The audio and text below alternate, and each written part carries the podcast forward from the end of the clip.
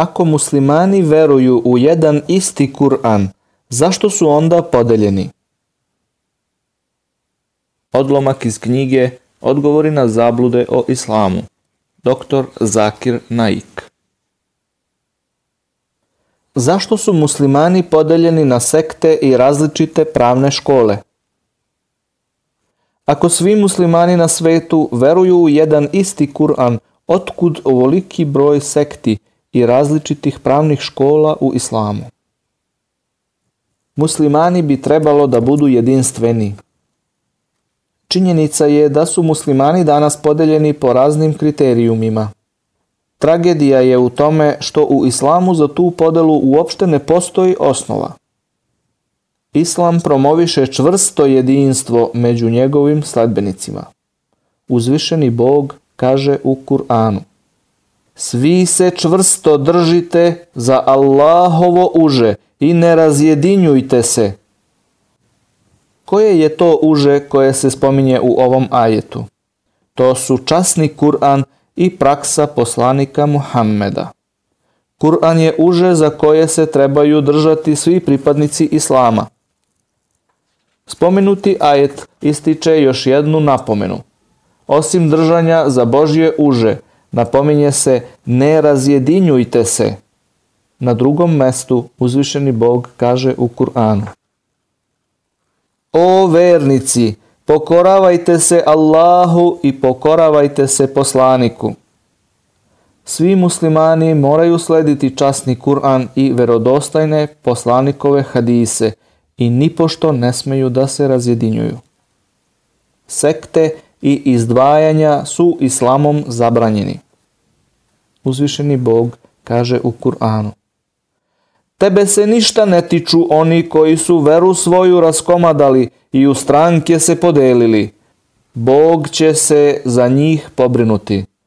On će ih o onome što su radili obavestiti. U ovom ajetu uzvišeni Bog nam naređuje da se ogradimo od onih koji ovu veru dele na sekte. Međutim, kada danas upitate bilo kojeg muslimana, ko si? On će reći, ja sam sunija, ili ja sam šija. Neki sebe zovu hanefijama, neki šafijama, neki hambelijama.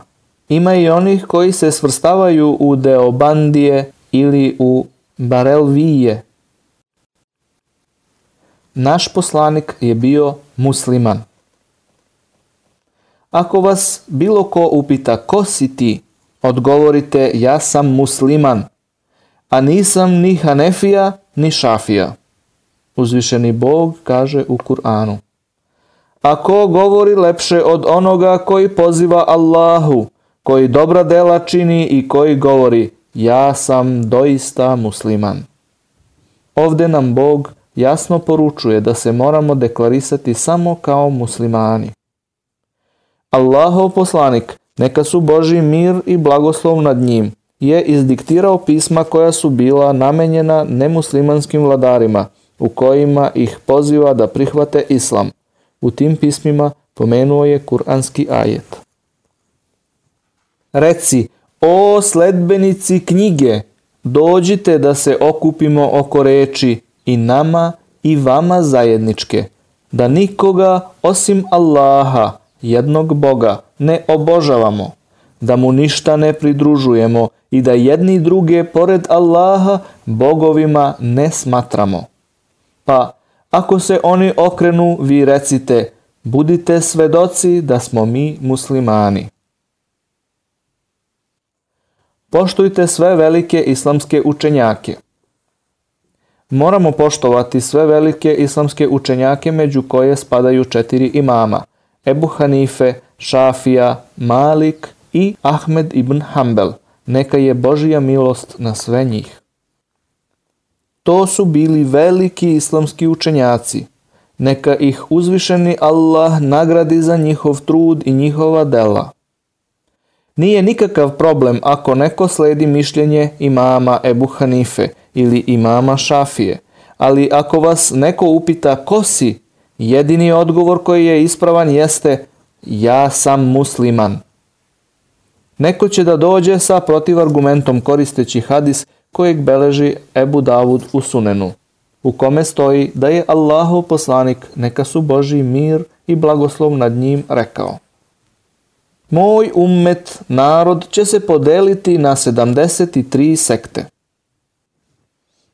Ovaj hadis nas samo obaveštava o onome što će da se desi u budućnosti.